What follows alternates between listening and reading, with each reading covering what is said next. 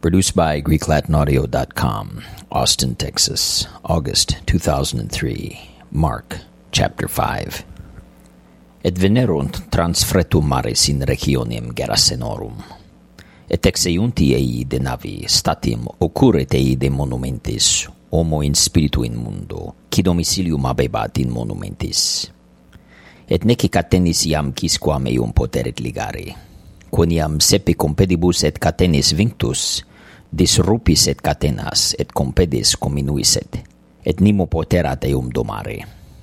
Et semper nocte ac die in monumentis et in montibus erat clamans et considens se lapidibus. Videns autem Jesum allungi concurret et adoravit eum, et clamans voce magna disit quid mi et tibi, Jesu, fili Dei sumi, adhurote per Deum nemetorceas, dissebat enim ili, exsi spiritus immunde apomine. Et interrogabat eum, quod tibi nomen est? Et dicit ei, legio nomen mi est, quia multi sumus, et deprecabatur eum multum, nesse expellerat extra regionem.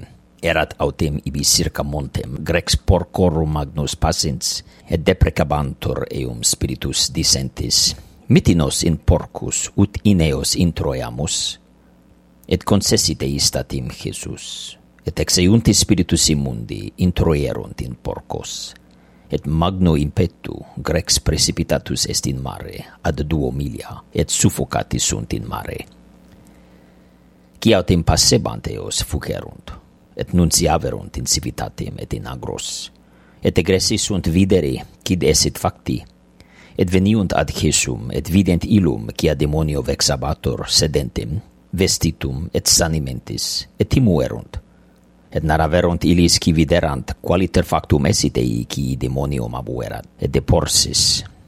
Et rogare eum seperunt ut dissederet a finibus eorum, cumque ascenderet navem, sepet illum deprecari qui demonio vexatus fuerat, ut esit cum ilo, et non admisit eum, sed ait illi, Vadi in domum tuam, ad tuos, et adnuncia illis quanta tibi Dominus feserit, et misertus situi, et abit et sepit predicari in decapoli, quanta sibi fesisset Jesus, et omnis mirabantur.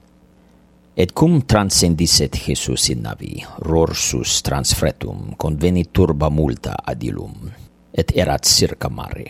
Et venit quidam de archi synagogis, nomine Herus, et videns eum prosidit ad pedis ejus, et deprecabatur eum multum, dicens quoniam, filia mea in extremis est, veni, impone mano super eam, ut salvasit, et vivat, et abiit cum illo, et secebatur eum turba multa, et comprimebant illum.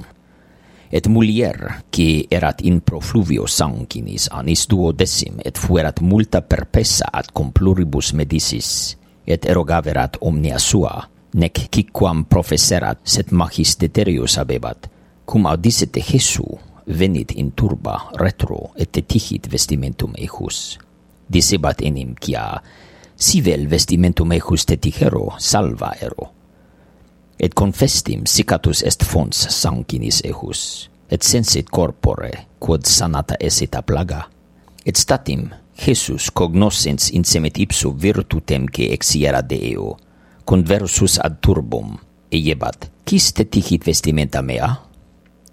Et dissebant ei discipuli sui, Vides turbam comprimentem te? Et disis, quis me te ticit? Et circumspiciebat, iebat, videre eam que hoc feserat.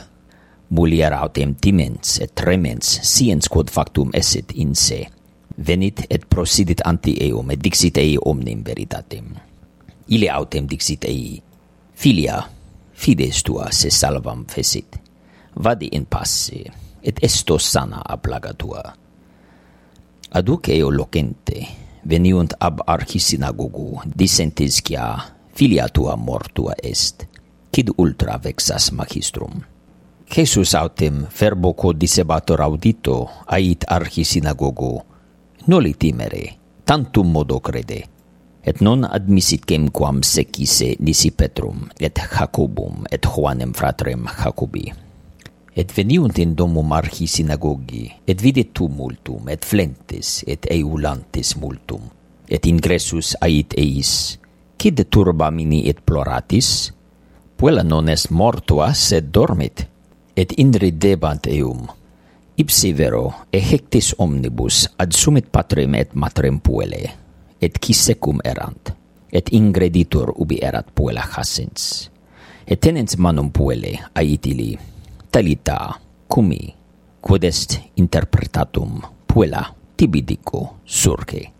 Et confestim surrexit puella, et ambulabat, erat autem anorum duodecim et obstipuerunt stupore maximo, et precipit illis vehmentur ut nimo id siret et dixi dari illi manducari.